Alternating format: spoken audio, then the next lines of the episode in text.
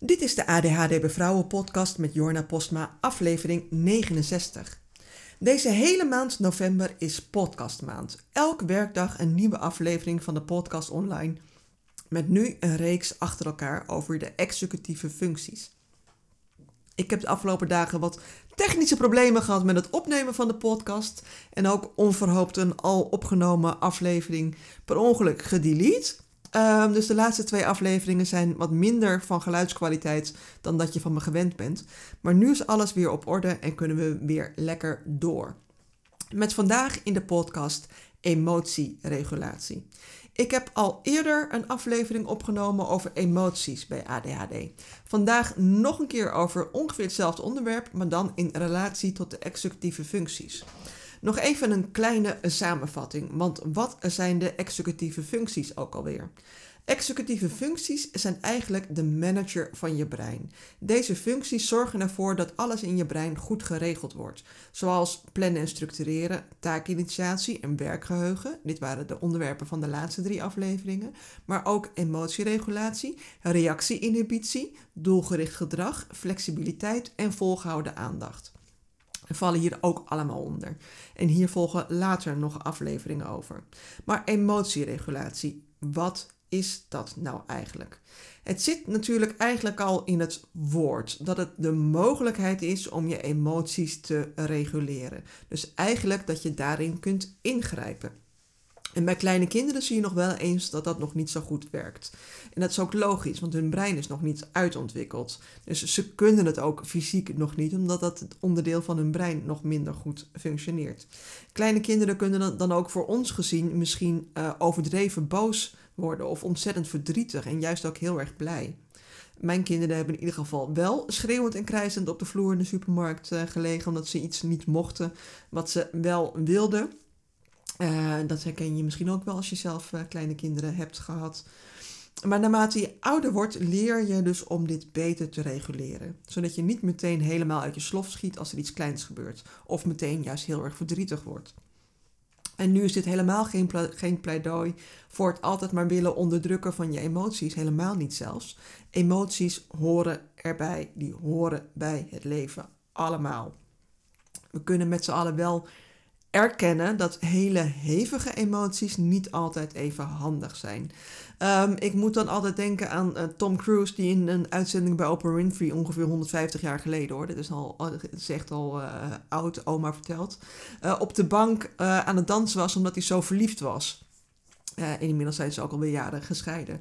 Uh, maar dat op de bank uh, springen omdat hij zo blij was met zijn nieuwe liefde. Dat is misschien een beetje een tikkie over, overdreven. En dat je daar daarna op terugkijkt. En dat je denkt nou, misschien had ik dat niet moeten doen. Want zo overdreven blij kunnen zijn heeft natuurlijk ook een prijs. Dat betekent namelijk ook vaak dat je ook overdreven boos kunt zijn of overdreven verdrietig. Ik heb het nu natuurlijk over de uh, blij, boos en verdrietig. Maar welke emoties hebben we eigenlijk nog meer? We onderscheiden over het algemeen vier basisemoties, oftewel de vier B's. Dat is boos, blij, bang en bedroefd. Dus verdrietig uh, is de B van bedroefd. En daarnaast heb je natuurlijk ook nog emoties als schaamte, afschuw, verbazing of juist tevredenheid. En kun je daar ook wel, wel weer andere subemoties onderscharen. En dit zijn dus dingen die je voelt. Dus dit is eigenlijk een instinctieve reactie. Um, en er zijn dan ook verschillende gebieden in de hersenen die hierbij betrokken zijn. Er is niet maar één hersengebied dat bij emoties betrokken is, maar een netwerk van verschillende gebieden. En dat noemen we het limbisch systeem. En we weten ook dat delen van het brein, delen van het brein die verantwoordelijk zijn voor het ervaren van emoties, zich eerder ontwikkelen dan de delen van het brein die verantwoordelijk zijn voor emotieregulatie. Dus daarom voelen kinderen en ook pubers uh, de, al die emoties zo sterk. En is dat ook een kenmerk van ADHD? Tenminste, ik hoor dat heel vaak. Dat het lijkt alsof mensen met ADHD dingen veel dieper voelen. Alle emoties zijn intenser. En nu zijn er bij deze reeks emoties die ik net noemde uh, maar een tweetal die we aanmerken als positief. Dat is uiteraard blij en tevreden. En de andere merken we vaak aan als negatief. Uh, boos, bang, bedroefd, schaamte en afschuw voelen we niet graag. En verbazing kan zowel fijn als niet fijn zijn. Ik ben helemaal niet van de positief denkenstroming. Ik denk dat op het moment dat je altijd probeert positief te denken en dat dat dan een keertje niet lukt, uh, want het is namelijk normaal dat je niet altijd blij bent. En als je dan alle zogenaamde negatieve emoties alleen maar probeert weg te drukken, dat dat alleen maar uh, contra werkt, dat het contraproductief is. Laat staan dat het haalbaar is om altijd maar positief te denken, want dat is niet haalbaar. Ik ben dus een voorstander van alle emoties er te laten zijn. En dat uh, klinkt zweveriger dan dat het is. Nu is het natuurlijk wel handig dat je dan niet verandert in een soort Godzilla die altijd alleen maar boos is. Of dat je je altijd alleen maar gekwetst voelt als iemand iets tegen je zegt. Of dat je altijd alleen maar blijft piekeren. Of dat je altijd alleen maar uh, die angstgevoelens hebt. Niet dat je niet meer kunt slapen door de angst en de paniekaanvallen. En dat is dus waar emotieregulatie naar voren komt. Omdat we normaal gesproken dus een deel van de hersenen hebben dat zorgt voor emotieregulatie. Dat is namelijk een executieve functie zodat je de slappe lach kunt onderdrukken tijdens een uh, serieus gesprek. Lukt mij niet altijd, moet ik uh, trouwens zeggen. Of niet zo uitvalt tegen je werkgever of tegen je partner of tegen je kinderen. Want niet zo goed zijn in emotieregulatie kan bijvoorbeeld ook zijn dat je last hebt van road rage. Dus dat je boos wordt als iemand je afsnijdt bijvoorbeeld en dat je dan een uh, lang gaat bumperkleven, gewoon om, om te irriteren. Um, of dat je iemand niet meer wil zien omdat die persoon een andere mening heeft dan dat jij hebt. Of zelfs dat je te veel drinkt omdat je ergens zenuwachtig voor bent. Um, dat is natuurlijk ook een, een, een symptoom van uh, emoties niet zo goed reguleren. Je kan dat zenuwachtige gevoel niet reguleren, dus, dus ga je maar drinken. Binder dan dat. Uh, drinken heb ik denk ik nooit echt zo gedaan. Maar ik ben de, wat de andere dingen betreft uh, echt geen heilig boontje. Uh, dus maak je daar niet druk om als je dat herkent. Ik denk dat iedereen dat wel herkent. Maar ik denk ook dat het bijvoorbeeld bij vrouwen minder getolereerd wordt als ze boos worden. Als ze boos zijn. En helemaal, en dat is nog tien keer zo erg als je een vrouw van kleur bent die boos wordt. Um, dan je wordt als vrouw namelijk altijd met, vrij snel in het uh, hokje van hysterisch geplaatst. En dus eigenlijk ook gedisqualificeerd in een eventuele discussie die dan plaatsvindt. Het zit dan ook heel erg in onze cultuur dat vrouwen zich minder mogen uiten op dat vlak. Van een man wordt het eh, veel meer geaccepteerd als hij boos is, want de man is dan meteen daadkrachtig. Um, en een vrouw is dan heel snel een hysterisch wijf. Wat dat betreft is er op het gebied van emancipatie nog een hele hoop te winnen. En dit is wel relevant, want eigenlijk wordt er dus van ons verwacht dat we nog beter zijn in emotieregulatie dan mannen dat hoeven te zijn. Um, nou wordt er van mannen natuurlijk verwacht dat ze uh, uh, emoties als verdriet en angst minder uiten. Maar daar zie ik wel een omslag in. Dat het steeds meer geaccepteerd wordt dat mannen dat ook meer mogen uiten. En dat mannen dat ook steeds meer doen. Um, en terecht, uiteraard, want uh, we zijn allemaal mensen. We, moeten, we hebben allemaal diezelfde range aan emoties. Maar het zou zo fijn zijn als je als vrouw dan ook gewoon boos mag worden. zonder dat je meteen als hysterisch aan de kant wordt geschoven. Wij worden dus geacht om onze emoties als het om boosheid gaat beter te reguleren. Uh, nu ben ik niet per se iemand die zich daaraan conformeert. Nou ja, niet meer eigenlijk, want ik ben natuurlijk ook een, een recovering um, braafste meisje van de klas. Ik noem, dat al, ik noem dat altijd het braafste meisje van de klas syndroom als je altijd maar alles probeert goed te doen. En je boosheid inhouden is daar natuurlijk ook een heel goed voorbeeld van. Um, en bovendien, als ik boos ben en je zegt tegen mij dat ik niet zo hysterisch moet doen, dat, is, uh, dat werkt bij mij als een uh, lap op een, uh, rode, of een lap op een rode stier. Een rode lap op een stier of een Mentos in een fles cola. Dat krijg je echt tien keer zo hard terug. Zo ben ik dan ook wel weer.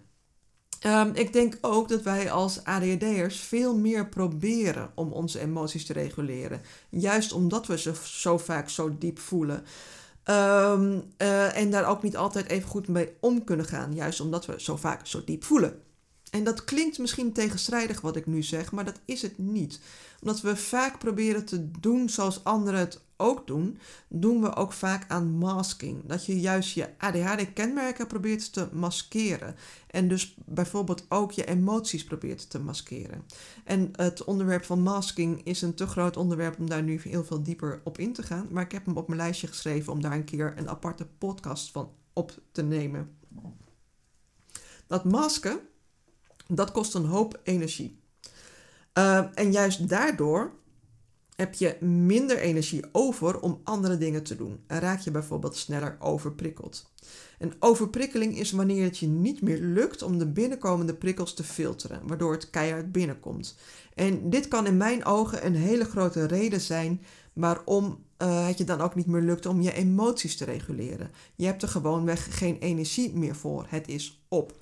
Daardoor schiet je sneller door naar die delen van het brein waar je de emotie voelt en wordt het deel van het brein dat de emoties moet reguleren tijdelijk uitgeschakeld, namelijk de manager van je brein, je executieve functies. Ik noem dat soms ook wel je ratio, want als je heel erg in je gevoel zit, dan kun je niet bij je ratio, omdat je rem op je emoties even niet werkt. Heb je juist die uitbarsting of voel je je intens verdrietig of heb je die angstgevoelens? De ratio doet het even niet.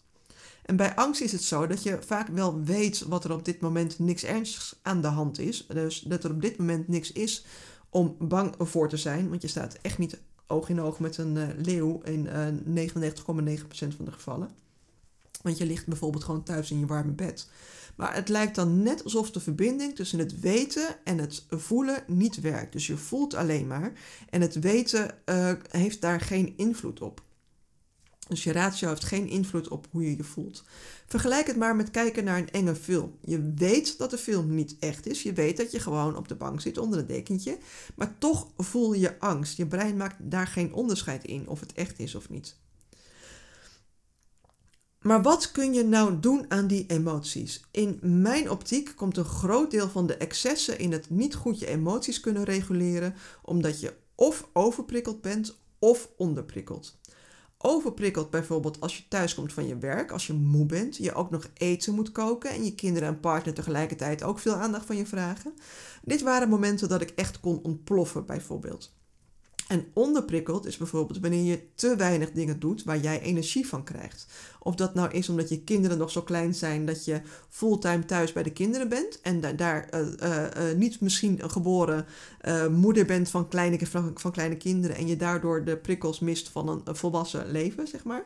Of omdat je een baan hebt die je eigenlijk best wel saai vindt, of in ieder geval onderdelen daarvan saai vindt dan worden uh, eigenlijk je neurotransmitters te weinig aangevuld, waardoor je ook sneller in je emoties schiet. En het kunnen best ook angsten zijn, dat je gaat piekeren, uh, doemdenken bijvoorbeeld. Maar wat kun je eraan doen? In het moment zelf dat je bent doorgeschoten in, uh, in een emoties, dat je de rem op je emoties niet heeft gedaan wat hij had moeten doen, kun je weinig anders dan bewegen. Een van mijn mantra's is daarom ook altijd bij twijfel bewegen. Het ziet er soms uit als weglopen in een ruzie. Um, ziet er soms uit als huilend over de dijk of over het strand lopen omdat je geen uh, raad weet met je verdriet. Maar dat werkt dus wel weer om de ratio weer draaiende te krijgen. Want bewegen geeft dopamine en noradrenaline. En dat zijn nou juist de uh, hormonen die je nodig hebt als neurotransmitters, waardoor je die rem weer kunt laten functioneren. Beter nog kun je natuurlijk altijd proberen te voorkomen. Dus voorkomen dat je doorschiet in de emoties. Je kunt uh, emoties als boosheid, angst, verdriet, uh, blijheid. je kunt die emoties niet voorkomen, maar je kunt wel de, het voorkomen dat je erin doorschiet. Dus ervoor zorgen dat je rem zo goed mogelijk werkt. Uh, want emoties voorkomen kan gewoon niet. Punt.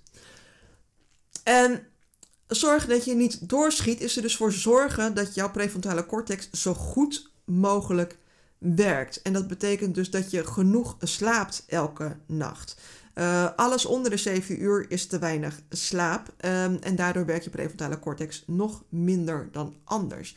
Ik ben zelf iemand die ook heel erg hangry word. Dat is een samentrekking tussen hungry en angry. Dus als ik uh, honger heb, als ik te weinig heb gegeten, dan word ik ook boos. En dan kan ik ook uitschieten uh, tegen iemand die iets tegen me zegt.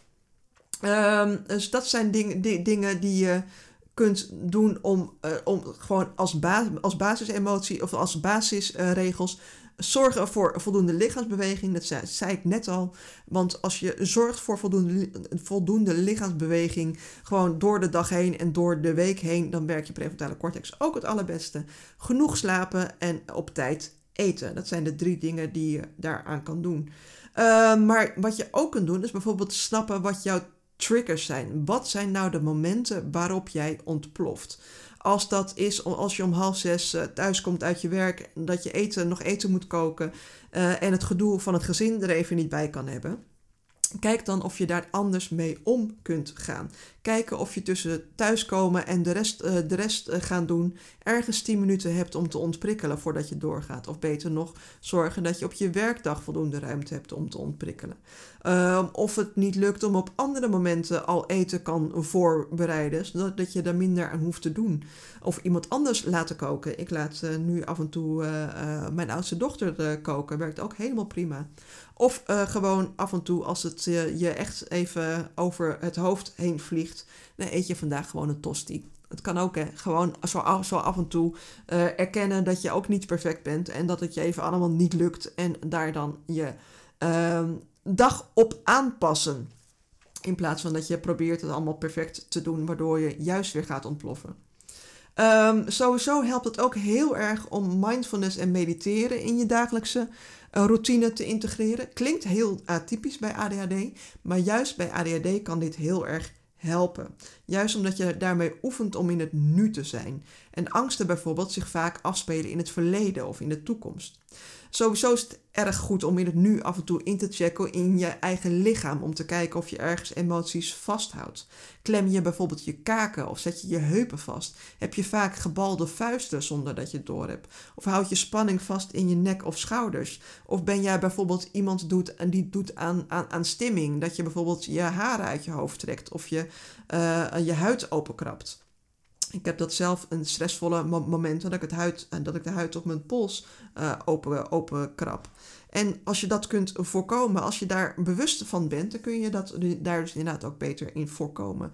Voor dat uh, mediteren uh, heb ik ook een meditatiebundel. Ik heb een, volgens mij zijn het twaalf meditaties opgenomen in een meditatiebundel en die kun je kopen zodat je de meditaties gewoon zelf thuis kunt gebruiken. Via de link in de show notes heb ik daar een uh, link naartoe. Um, het proberen weg te stoppen van emoties, het proberen die emoties dus niet te hebben of proberen de emoties te voorkomen, dat werkt natuurlijk over het algemeen alleen maar averechts. Daardoor worden de problemen alleen maar groter. Dat is eigenlijk alsof je een ballon met boosheid, bijvoorbeeld, als dat jouw emotie is, uh, alsof je een ballon met boosheid nooit leeg laat lopen. Dat je hem wel opblaast, maar nooit leeg laat lopen. Op een gegeven moment zit hij zo vol met boosheid dat hij knapt. En dat is meestal op een moment dat het niet uitkomt, of bij een persoon die het niet verdiend heeft. En als je iets onthoudt van deze podcast, dan zou ik inderdaad willen dat je bij twijfel bewegen onthoudt, voldoende slapen en op tijd eten. En je kunt natuurlijk ook door coaching of therapie leren om er op een gezonde manier mee om te gaan. Zelf heb ik net een, noem het maar, een bijscholingscursus uh, gedaan voor ACT. En dat is Acceptance and Commitment Therapy.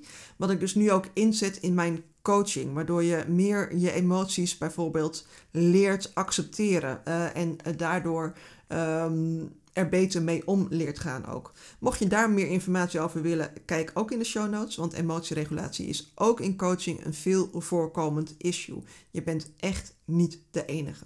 Voor nu bedankt voor het luisteren en tot de volgende keer.